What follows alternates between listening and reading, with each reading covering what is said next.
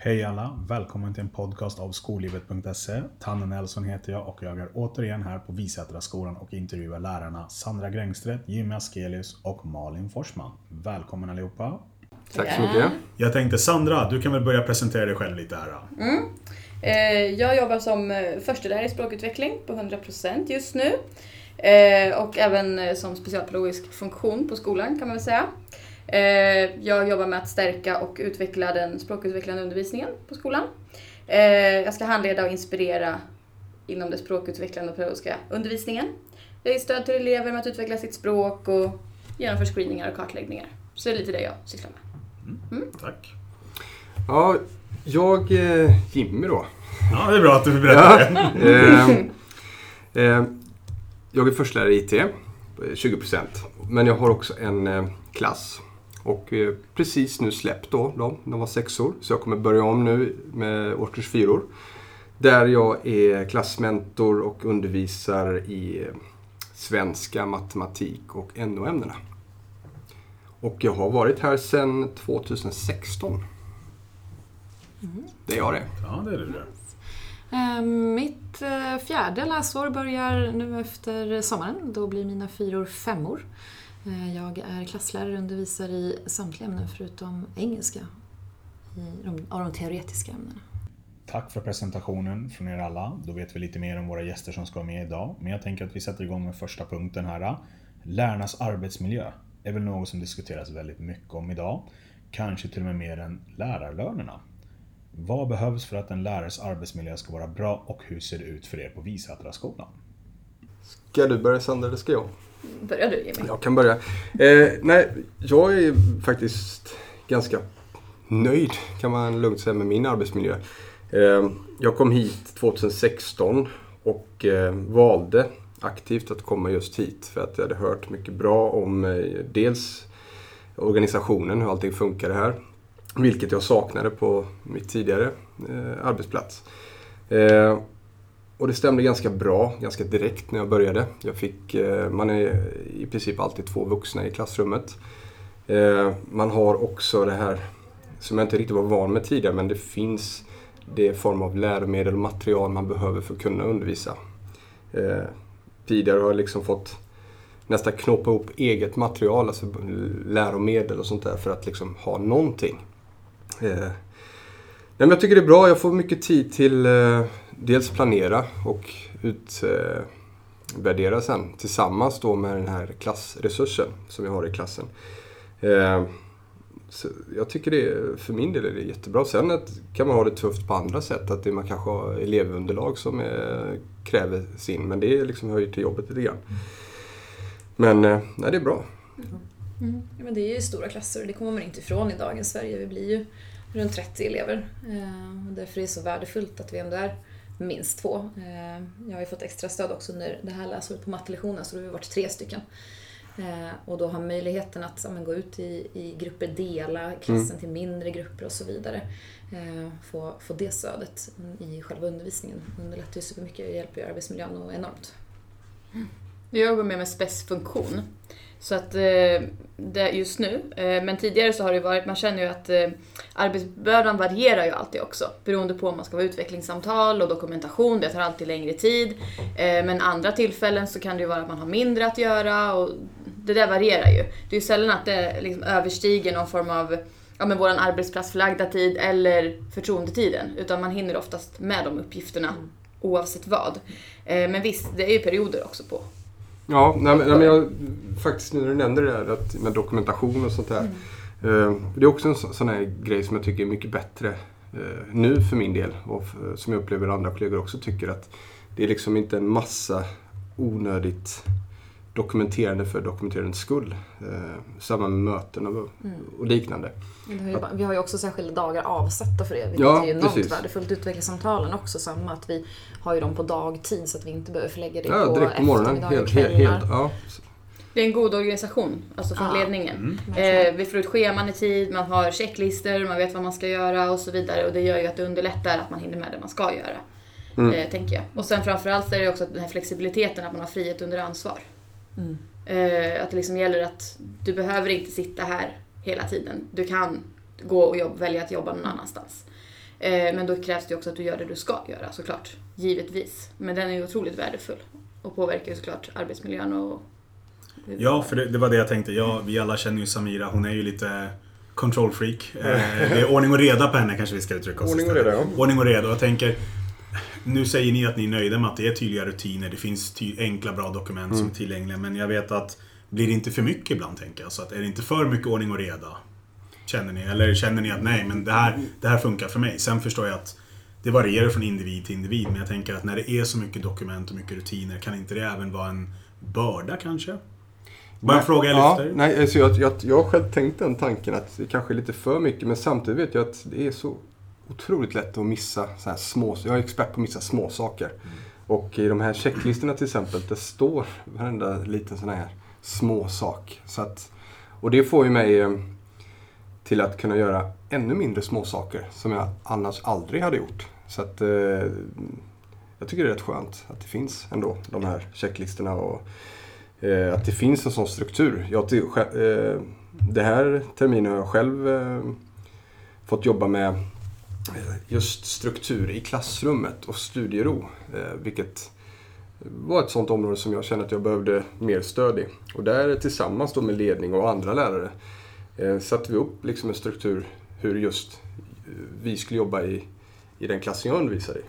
Vilket har funkat jättebra för min del och jag kommer fortsätta med precis samma struktur nu. Och har även lagt in det som förslag att vi kanske borde kanske köra något liknande för alla så att det blir en likvärdig arbete i studiero. Ja, och där kommer väl min nästa punkt. Jag vet att Jimmy, du är första lärare, Sandra, du är första lärare. Men jag tänker kolleg- kollegialt lärande. Hur mycket har ni haft det på skolan och hur har era roller sett ut i det? För Jimmy, du kör IT om jag inte helt inriktning IT. Sandra, du får gärna de har bytt lite termer på vad du har för roll nu så du får jättegärna... Det är språkutveckling Det är ja, okej, ja. Mm. Och pedagogiskt arbete. Pedagogiskt arbete. Och då tänker jag så här, hur, hur har det kollegiala lärandet fungerat? Och jag ställer egentligen frågan mer till Malin här, eftersom du inte har någon första roll, du har inte behövt hålla i lite utbildningar och sånt. Men för dig som, om man kan citera, bara är lärare, inte är första lärare, har inte fått den fina titeln än. Men hur är det för dig att ha andra kollegor som faktiskt delar med sig av deras kunskaper och erfarenheter? Hur har det funkat? Det är ju supervärdefullt. Eh, vi har ju, den här terminen har vi ju bantat ner lite på eh, alla eftermiddagsmöten eh, i och med läget med, med Corona. Inte ha så många fysiska träffar. Också utifrån att Semira såg eh, arbetsbördan på oss lärare så har hon har också anpassat jätte, jättevärdefullt hos en chef att känna av hos eh, personalen. Eh, tidigare har vi haft mycket workshops från första lärare. Eh, Sandra gör ju också ett enormt arbete i klasserna. Eh, lästränar och stöttar och, och hjälper till. Eh, så det är superbra jobb. Men jag tänker förut så gjorde vi också, vi har ju haft arbetsgrupper, man hade ju olika arbetsgrupper som Mm. var inriktade lite mer på ämnen. Och olika ämnen som man specialiserade sig i och så fick man hålla workshops i de här ämnena för, för lärarna för att kunna inspirera varandra Mm. och det var ju jättegivande. Precis. För det gav ju liksom, man fick ju lyfta, eller ja, men visa sina, sin kompetens. Ja. Eh, och, för det är jättemånga som har kompetens och det blir ju, det handlar inte bara, bara för att du är förstelärare så sitter du bara på en kompetens utan det, alla har ju kompetenser. Eh, och det var väldigt bra för det gjorde ju att många fick, fick visa vad, vad vi kan och vad vi har för idéer och tankar. liksom. Ja. Ja. Ja, men det, det blev ju en sån grej ändå att vi uppskattade vad vi hade här Mm. under samma tak och eh, det var väldigt givande. Ja. Och vi körde på ganska, nästan ett år med det där, Mm. om inte mer. Jo, det var nog mer. Mm. Ja. Två första år gjorde vi det. Hade vi Ja, de här jag vet- arbetsgrupperna. funkade jättebra. För mitt första år här då, eh, det var ju mycket att få in liksom, så det fanns en bra liksom, lägsta nivå i IT. Och eh, då höll jag ju jättemycket så här, mindre workshops för lärarna. Just då, och det kan vara liksom en specifik app eller en specifik tjänst eller eh, ett arbetssätt inom visst område. Så där. Och det har inte jag exempel behövt göra nu, utan nu är det mer om det kommer eh, nyanställda eller nya som inte kanske är, är med på tåget än. Där jag har privat, eller privat, eh, enskilt heter det. Enskilt eh, med den kollegan, eller de kollegorna. Och eh, nej, så det är väl lite så det har varit. Och sen revideras de här eh, uppdragen varje år. Så att eh, mitt uppdrag kan se väldigt olika ut mm, beroende på läsår. En följdfråga på det. Du säger att uppdragen revideras. Får du vara med och Ja. påverka alltså, uppdraget och komma med inspel. Det här skulle jag vilja att det finns med eller det här kanske inte bör ligga med. Hur mycket Ja. input får du ha? Man... Jo, men jag har mycket input. Eh, Det har jag absolut. Vi har en dialog där jag och eh, ledningen. eh, Där vad som har funkat bra, vad som jag kanske inte har eh, lyckats med bra och kanske behöver fortsätta eller varför har det inte fungerat. Så att eh, det tycker jag är jättebra. Mm. Då tänker jag det är väl typ någon sorts uppdra- uppdragsbeskrivning då Ja. liksom på vad rollen innebär och vara förstelärare i IT och språkutveckling och vad det nu än finns för grenar då. Tänker. Ja men det stämmer, för det, de här uppdragsbeskrivningarna de finns ju då i vårt eh, lilla nätverk, om man kan säga, intranät. Så att eh, alla kan ta del och se, ja, men vad är det Jimmy ska göra det här läsåret eller vad är det Sandra ska göra, eller vad är de andra Ja, så inga undercover-grejer. Alltså. Nej. Det är öppet och Det- transparent liksom. Det är öppet och transparent och det blir också förståeligt då för eh, våra kollegor att ja, okej, de, de ska göra det här och det är det som förväntas av oss. Och eh, fixar vi inte det då får vi kanske inte ha kvar. Kliva ner. får man kliva ner. Kliva ner från den höga hästen kanske. Nej, så är det inte. Men bra, ni verkar ju tycka att ni, ni verkar ju ha en väldigt bra arbetsmiljö här i alla fall. Och jag tänker nu, nu har ju ni valt att vara kvar här och så, vilket jag förstår. Men jag tänker mer, om ni värderar Sandra och Jimmy, jag vet att ni har jobbat på andra skolor. Malin, det här är väl ditt första Ja. läraruppdrag. Kanske sista också. Om Kanske. du är kvar här, man vet aldrig. det är så tråkigt att man hittar rätt från början. Kommer Ja, jag bara exakt. 35 år till pension. Ja, är inte så många år kvar det. Så att, eh, Det lär 45. Ah, Okej, till och med Ja. 45. Ja. Nej, men det jag tänker på är väl... ehm, eh, ni, som jag sa, Jimmy och Sandra, ni har ju gått vidare och så har ni kommit hit. Och hur, nu ska vi inte prata om era gamla skolor allt för mycket, men ni har ju ändå valt att ta ett aktivt steg. Jimmy, du sökte själv. Mm. Sandra, du har följt med Samira från ett tidigare ställe. Varför valde du att följa med Samira? Ja, Samira är ju en, en väldigt bra chef. En bra ledare. Eh, och hon skapar ju förutsättningar för eh, mig som, som personal eller som lärare att utvecklas i mitt arbete. Eh, så det blev ju en, det blev ju såklart naturligt när det öppnades upp möjligheter för det. Att man följer efter om man har möjlighet. Eh, så att, eh, ja. Hon är en bra chef, kort och Ja, gott liksom. ja, men- ja, så enkelt är det. Ja, Hon har, hon har ju vunnit priser. Liksom. Så att eh, det finns väl någonting där. då. Jag, har- jag har backup på det. Ja, det är bra, det är bra. Malin, jag tänker du då som var helt nyexad, tog Ja. jobbet här. Varför Visätraskolan av alla ställen? Det måste jag ge min mamma ändå, höll jag på att säga. Nej men jag hade ju fått jobb, jag vikarierade ju jättemycket eh, under min studietid. Så jag hade ju fått jobb på en skola som jag hade vikarierat mycket på. Eh, och då säger mamma så här, men Malin man måste gå på intervjuer. För sen om du ska byta någon gång, då har du inte varit på en intervju i hela ditt vuxna liv. Så du måste gå på intervjuer. Och så var jag runt på några i eh, Huddinge kommun och så jag var, träffade Samira och så gick jag härifrån och bara, men vad fasiken. Nu måste jag jobba här. Nu kan jag ju inte ta det där på mitt gamla vickjobb för det här var liksom, det var så bra. Ja, Jag fick verkligen där, det första intrycket också. Så himla bra ledare och chef. Eh, Så fick jag ringa mamma och bara, jaha, nu blir det så här istället. Ja, Det, bra, blev det är ju bra. jättebra. Det är väl bra att din Det mamma pushade på dig fast du var vuxen. Ja, liksom. precis. Fast jag var vuxen. Ja, Mycket bra. ja Det det var det. bra. Ja, men då tänker jag så här. Eh, hur tillgänglig är och närvarande är ledningen? Kanske inte behöver vara fysiskt på plats, men hur tillgänglig är Hur tillgänglig tycker ni att ledningen är på skolan? Om på, ni behöver stöd eller vad det nu än är. Liksom. det är ju en, en grupp, alltså ledningen är ju en grupp som är fokuserad på olika områden, så det beror på vad man behöver hjälp med. Men eh, alltså Semira är ju, alltså de, Semira och Erik och Dunja är ju rektorer såklart. Men eh, eh, Semira behöver ju åka iväg på möten och sånt oftast. Hon är övergripande ändå. Men hon är ju alltid tillgänglig på mail. Eh, du får ju alltid svar. Eh, ibland till och med väldigt snabbt så att man tänker att men gud, sitter hon bara vid datorn? alltså det kommer ju väldigt, du får ju, det går ju aldrig så att jag behöver vänta till nästa dag Nej. svar. Nej, typ- det är Alltså, löjligt det, är, snabbt ja, det är egentligen. lätt räknat hur många gånger som jag har fått vänta en dag. Det är typ en eller två max. Och då pratar vi alltså under flera års tid. Kvällstid och Ja, alltihopa. det kommer alltid Verkligen. ett svar. Det är ju enormt tillgängligt. Eh, Men så beror det på vad du behöver. Jag menar, så Dunja och Erik är ju oftast på plats. Eh, är de ju. Om man behöver hjälp med någonting, fråga någonting eller eh, Eftersom Erik är riktad mot elevhälsa, man behöver man hjälp med någonting kring elever eller liknande, då kommer ju han oftast. Eh, Så att, ja, jag tycker att det är en hög närvaro faktiskt från tillgänglighet, från ja. ja. Verkligen. Så att, eh, och det är nästan som att man själv nu, för att nu har ju som sagt eh, Semira då försökt eh, Ja, hon har ju delat, delegerat in och att de har olika ansvarsområden, de här biträdande rektorerna. Och eh, det är ju fortfarande vi som ska då komma ihåg att inte skicka och allt till Semira. Vilket man ibland glömmer bort och så skickar man till henne och hon svarar lite förbaskat. Ursäkta. Nej men alltså så att eh, eh, de är tillgängliga väldigt mycket.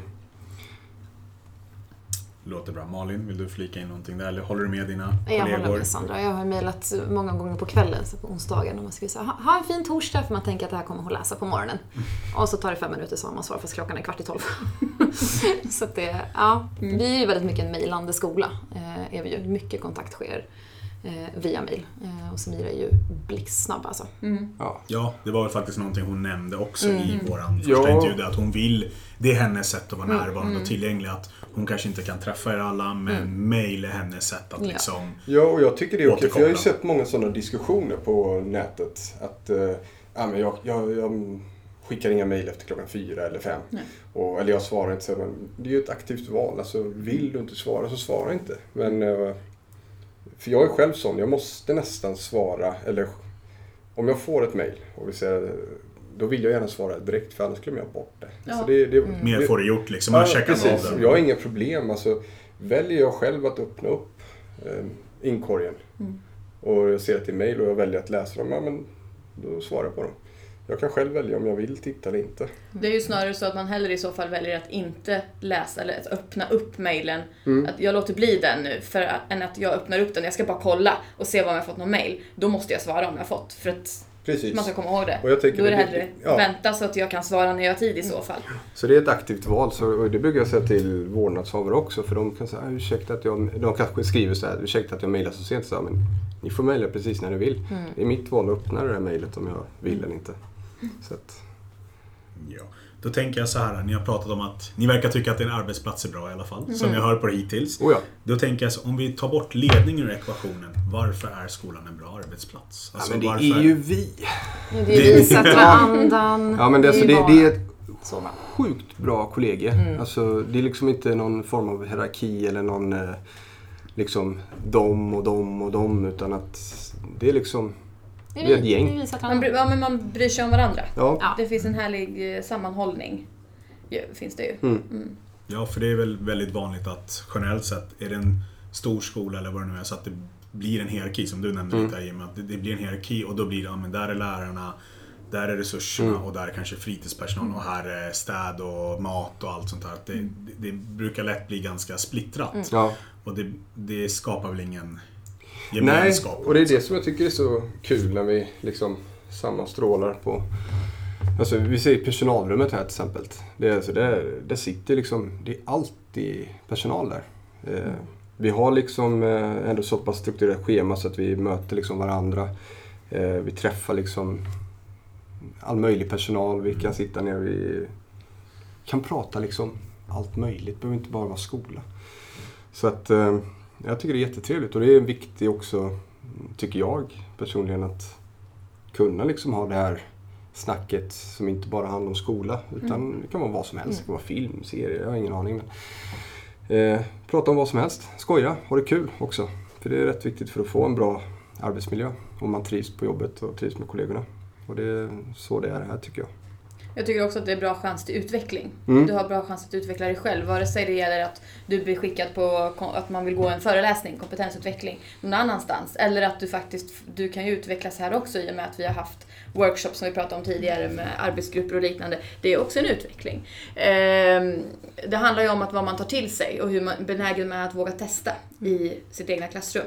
Ehm, Det är där det, är där det egentligen hamnar. Så att här tycker jag ändå att man får väldigt mycket chans till utveckling. Eh, likadant tycker jag att vi har ett väl utbyggt trygghetsteam. Det tycker jag vi ändå borde hylla, för det är inte alla skolor som har det faktiskt. Eh, det är också någonting som gör Visatorskolan till en bra arbetsplats. Eh, kan du sen- berätta lite vad gör trygghetsteamet? Nu vet jag att du inte är med i trygghetsteamet, Nej, men varför är precis. det... Var, varför person. är det fel person, men varför, varför är trygghetsteamet så bra? Du nämnde ju det, så varför är de så bra då? då? Eh, Men jag tänker, de, pra- de har ju möten varje vecka och, och verkligen följer upp och pratar om, är det någonting vi behöver ta tag i? Är det några konflikter eller är det någonting som, något område vi behöver jobba med?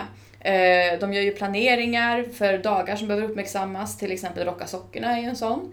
Eh, där de liksom ger ut planering så att vi, så lärarna kan prata om, om viktiga dagar och, och lyfta eh, olika typer av, ja men i det här fallet, ja, vad kan det vara?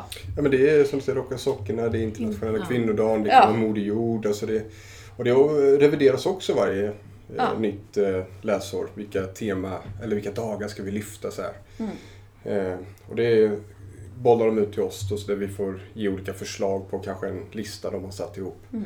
Men också som, eh, som jag tänker så här, som eh, trygghetsteamet är extremt viktigt för mig som lärare liksom i en klass där jag har mellan 25-30 elever.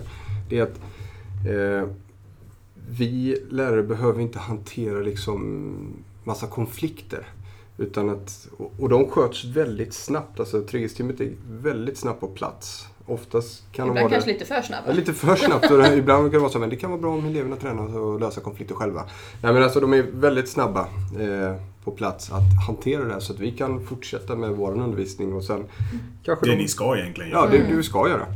Och det så, så de tar hela den biten. Men det har också skapat, om vi säger så här, en enorm trygghet för eleverna. För de, de vet vilka de här personerna är som jobbar i trygghetsteamet. De kan gå till dem själva också om det är någonting. Vilket de gör. Ja, Det, till och med vårdnadshavarna vet ju. Det, Ja, ja. De ringer ju direkt till trygghetsteamet. De Mm. går ju väldigt sällan. Det lättar ju också på tal om arbetsbörda. Det lättar ju vår, vår arbetsbörda att föräldrarna också vet vartåt de ska vända sig Mm. i konflikter. Att de vet att det är trygghetsteamet Ja, och det är väl lite koll. det jag vill komma in på att det- är ju en enorm arbetsbörda på vara lärare idag. Man ska vara tillgänglig på ett helt annat sätt idag Mm. kanske jämfört med ja, 20 år sedan, kanske till och med kortare tid. Men att det är ju en annan börda, det är mycket mer dokumentation tänker Mm. jag. Det är, speciellt nu när ett läsårsavslut, då måste ni väl ha en hel del att dokumentera liksom Mm. elevunderlag, eh, öv- klassöverlämningar, Mm. betyg som jag vet att några av er har också. Så att, eh, ja, det är väl en tung börda och jag tänker att ett trygghetsteam hjälper er med något Oh ja. av det i alla fall. oh ja. Men sen är det också att det här är ju en skola i konstant förändring. Det är också det som är väldigt bra. Du du sitter inte fast och gör samma sak hela tiden. Det ändras ju saker, även ifall vi har rutiner och allting eh, finns där. Det är ju mer grunden på vad som behöver göras. Men sen finns det ju, an- det finns ju annat som ändras hela tiden. Eh, och där vi liksom, ja, Visatorskolan är ju uppmärksammad för olika saker, till exempel roligare, roligare raster och så vidare. Det betyder ju inte att roligare raster inte utvecklas. Deras verksamhet utvecklas ju hela tiden, man byter aktiviteter och, och det är att vara i förändring. Mm. Ehm, det är ju samma sak för, för oss på skolan eh, när det kommer till som arbetsgrupperna som vi hade tidigare. Nu, har vi gått, nu går vi över till att köra att det blir lite att spess och förstelärarna håller i workshops men det kommer fortfarande också vara arbetsgrupper Mm. vi kan jobba kollegi- kollegialt mer med alltihop. Så att det är ju hela tiden en förändring. En skola är förändring, det sitter inte fast. Det tycker jag, tycker jag också är utmärkande Mm. faktiskt. Ja, det låter ju väldigt intressant faktiskt. Att man hela tiden vill utvecklas och förbättras hela tiden. Eh, Eh, jag ska citera lite här. En svensk traditionell skola. Eh, jäkla bra skola skulle det vara också där, kommer jag ihåg. Eh, skulle ni säga att ni är en svensk traditionell skola? Jag tänker, ni ligger ju i bräschen för mycket.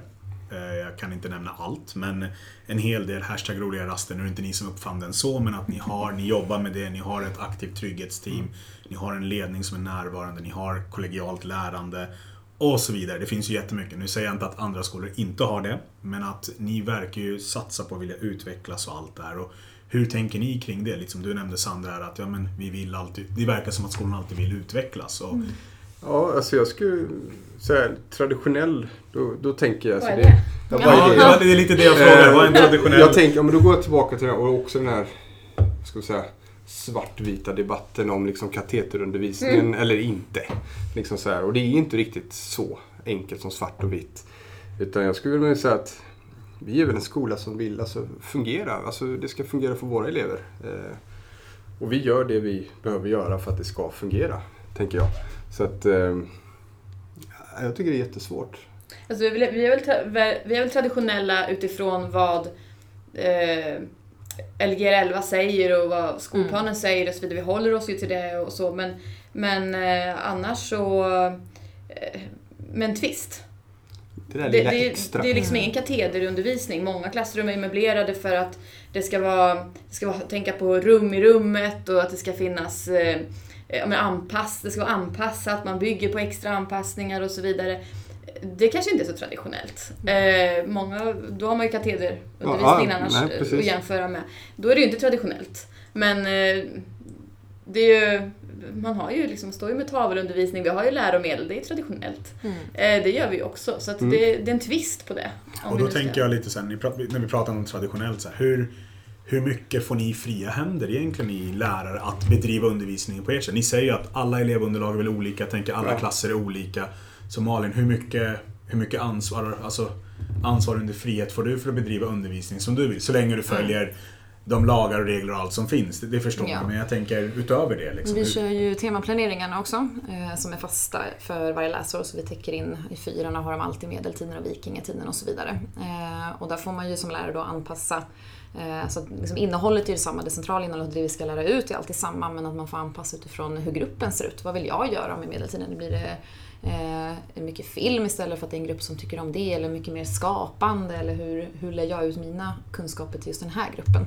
Eh, och anpassa utifrån individanpassning och så vidare också. Att där finns det ju alla möjligheter att välja ja, men arbetssätt och, och hur vi ska ta in kunskaperna. Intressant. Så att frihet under ansvar. Gud ja. Jo, men det tycker jag vi får. Alltså väldigt mycket. Och det, och det var det jag kände direkt eh, mitt första år här. Att eh, man fick liksom, man hade liksom, det här ska liksom, vi ska nå fram hit men den vägen dit, det får du liksom eh, Det vi. det får du testa Ja. fram liksom om du har bra idéer och så jag förklarar dem. Det här vill jag göra och man absolut kör. Mm. Eh, och det blir väldigt bra. Så att eh, så vi ju hela tiden gör man så delar vi, vi har en väldigt stor delarkultur Mm. här i skolan. Där vi, om vi gör, testar någonting, säger vi att jag testar någonting i klassrummet och jag tycker att ja, det här var riktigt bra. Då kan jag dela det enkelt till mina kollegor i vår Hur, hur delar du ut den? Vi har en liten eh, dold eh, Facebookgrupp Ah, där vi, eh, alla vi som jobbar här är inne i den gruppen. Och eh, där kan vi lägga ut eh, bilder eller videoklipp eller text. Vad vi har gjort och, eller vad vi håller på med eller vad det kan vara. Och eh, just för att bara visa att det här gör jag, det tycker jag funkar och är ni sugna så testa. Vi är också en väldigt prestigelös skola i så att vi också kan ha, alltså i det kollegiala att vi varje dag kan eh, fråga om råd och hjälp av kollegor. Att det här testade jag idag och det gick inte alls bra. Hur, hur gjorde du när det funkade Mm. hos dig Jimmy, det där som du la upp? Vad ska jag tänka på här? Eller har du något tips och förslag? För nu kör jag det här temat och jag är helt idétorka och du gjorde det förra året. Kan du hjälpa mig? Alltså mycket sånt kör Mm. vi också. Ja men det är det. Mm. Det är jätteskönt faktiskt att man bara kan springa. Jag har sprungit till dig många gånger Sandra och jag har gått till Malin också. Mm. Eh, Så att eh, det är, det är jätteskönt att ha kollegor som man kan bolla med, eh, få hjälp och stöd av också. Så att eh, väldigt prestigelöst. Men en otroligt stark delkultur. Mm. Gud, ja. Ja, det, det måste jag säga. Det är väl lite unikt. Det vet jag att det inte är så på alla ställen. Mm. Utan att det är... Nej, då kan det nästan vara så att man är känns som att man är helt själv. Ja, man kör sitt eget klassrum Mm. har jag Ja, hört många säga. Man kör sitt eget race och så Man, följer kör, man... man har olika läromedel till och med. Alltså det kan vara väldigt splittrat. Men här är det ju liksom väldigt så här genom åren man har liksom, och det är också en sån här fördel att det är inte är så mycket personalomsättning. Att man liksom kan bolla igenom men vilket material ska vi använda i mellanstadiet i, i SO-ämnena till exempel. Eller vad. Så att man kör så att alla kör på samma. Och, ja, det, jag tycker det är bra. Jag tänker så här, jag vet att ni får skriva en årlig analys. Mm. Eh, kan ni berätta lite mer om den? Vad innebär den här årliga analysen? Specifikt för alla tre egentligen. Eller så sammanfogar ni det hur ni vill. Liksom. Men vad, vad är en årlig analys? Och varför skriver ni den? Man går ju igenom hur läsåret har varit. Alltså hur, hur är måluppfyllelsen i dina ämnen? Eh, eh vad tycker du om det? Och så vidare. Och sen har hon ju även lagt in, det varierar ju. De frågorna varierar ju sen. Det är alltid med hur måluppfyllelsen ser ut och vad vi tycker om måluppfyllelsen. Eh, och vad vi, hur vi har bidrag bidragit med och vad vi kan utvecklas i och så vidare. De, det brukar alltid finnas med. Men sen kan hon ju variera, eller de, Semira och Dunja framförallt, vad som ska vara med i analysen i övrigt. Och det, det kan ju vara allt ifrån hur är en arbetsmiljö, hur tycker du att det kollegiala lärandet fungerar och så vidare. Mm. Men eh, jag personligen älskar att skriva analys. Jag tycker att det är jätteroligt. Alla gör inte det, men jag är en sån där som tycker det är jätteroligt. Eh, för den ger mig möjlighet att utvecklas. Jag kan sätta mig ner och gå igenom hur fungerar min undervisning? Varför ser det ut som det gör? självreflektion skulle jag säga. Ja, den, och det, den självreflektionen är inte alltid att man gör, man gör ju det men då gör man det oftast i korta sekvenser. Att ah, den här lektionen var inget bra, varför blev det så? Ah, jag får tänka på det nästa gång. Men det här blir ju liksom en, en övergripande reflektion. Hur fungerar min undervisning? Vad behöver jag utvecklas i? Jag tänker att fun- hur fungerar det under hela året? Ja, så att det inte ja. bara blir några Mm. korta... Precis. Eh, vad behöver jag bli bättre på och, och så vidare. Jag tycker den är jätteviktig att göra. Eh, det blir som en, ja, men det är en Ja självreflektion. f- faktiskt, för att det dyker också upp kanske grejer man har snappat upp på vägen under läsåret. Som man tycker, ja men det här eh, är riktigt bra. Så tänker man inte på det. Men så får man tid att, ja men det där, det vill jag lägga in i. Så att också eh, ledningen har fått att, ja men det där var inte så dumt det som han eller hon gjorde. Och kanske kan lyfta upp det sen i kollegiet också. Mm. För det är ju mycket saker som, en, som eh, man kan lyfta i analysen som kollegorna lyfter som eh, ledningen tar till sig av och känner aha okej, ja, men det var intressant, In, vi gör så här. Eh, eller då har de fått en idé av oss. Mm. Så att eh, eh, ja, jag tycker det är viktigt att man reflekterar över sin egen undervisning och funderar på hur gör jag? Mm. Hur kan det bli, hur kan jag göra bättre eller annorlunda? Så. Mm. Ja, det är ju inte bara en reflektion över sig själv heller utan det är också frågor som rör verksamheten och Mm. vad man ser Ja. för utvecklingsområden. Ehm, Ja, på, på det stora hela Ja. liksom, Mm. i verksamheten. På tal om skola i konstant förändring. Ja, och då Ja. tänker jag lite när du ändå nämner verksamheten. Så här, det, nu behöver det inte vara specifikt som någonting ni har skrivit, men hur tänker ni? Om ni skriver något om verksamheten som ni vill se en förbättring på, känner ni, det kanske inte är just eran punkt, men känner ni att ni har fått något gehör för det? Att ja, men vi tycker att när vi planerar på det här sättet så blir det jobbigt. Och så har all, en större del eller några lämnat in det förslaget att vi kanske kan göra på det här sättet istället. Har ni, fått, har ni märkt att ni har fått något gehör från ledningen kring det? Mm. Jo, Det det, skulle jag säga att eh, en av de delarna är väl kollegiala. Eh, Mm. Faktiskt. Där vi eh, uttryckte då en önskan att vi ville ha mer kollegialt. Där liksom, I de här grupperna som vi pratade om tidigare.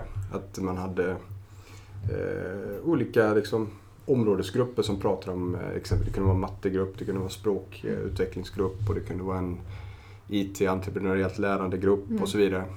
Så hade de då speci- eh, speciella då workshops för oss allihopa. Mm. Så de fick eh, liksom, eh, s- vad heter det, litteratur. Så de köpte in, alla grupperna köpte olika litteratur som de läste sig in på då. Och så vidare. Mm. Så det kan vara sådana saker eh, som de liksom ger gehör till. Det kan vara, det kan vara allt möjligt. Ja, det är verkligen det. Allt möjligt. Mm. Mm. Intressant, så att ni har någonting som ni skriver i slutet. Då tänker jag så här, nästa fråga är väl att dokumentera, skriva, även om det är en positiv grej som ni säger, det blir en liten självreflektion. Men tid är väl någonting som jag undrar lite, får ni tid för det här? För att det känns inte som att Mm. det här är någon, någonting ni kan bara knappa upp på en kvart. Utan, eh, ja men alltså det, det känns ju som att det är ganska omfattande ändå om ni ska reflektera er själva, verksamheten och utvecklingsmöjligheter. Så att då kommer, det första jag tänker på är tid. Mm. Tid är väl egentligen man tänker på hela tiden. Har man Ja. tillräcklig tid? Får ni tillräcklig tid? Det är avsatt i, i schemat på studiedagarna. Vi fick ju även, eleverna hade en studiedag, var det två eller tre veckor innan skolavslutningen? Där vi liksom tänkte att där har ni tid att skriva omdömen till exempel. Så att eh, Samira är väldigt duktig på att ja, men alltså, ge möjligheter i Mm. schemat. Även i schemat som det ligger liksom till, till vardags. Att liksom hitta planeringssjok ordentliga i schemana istället för många små korta pass. Liksom, att hon försöker lägga scheman så att man har ordentligt med tid att verkligen sätta sig ner och göra ordentligt. Och istället för att fylla studiedagarna som nu på slutet här eller på höstlovet och så vidare, istället för att fylla dem med massa saker som vi måste göra som ska vara delegerat så är det så här att kör eget arbete då, men då har du också tiden att skriva analys som nu till exempel. Ni har tid innan ni går på sommarlov att skriva klart den i lugn och ro. Eh, utan att man lägger in massa saker, att nu ska vi lyssna på den här personen och nu ska ni göra det här, utan då har man en hel dag att sitta med det, Ja. eller två eller tre. Ja, alltså tid är ju någonting vi verkligen får. Jag bara Mm. tänker på sen som vid skolstart till exempel. Mm.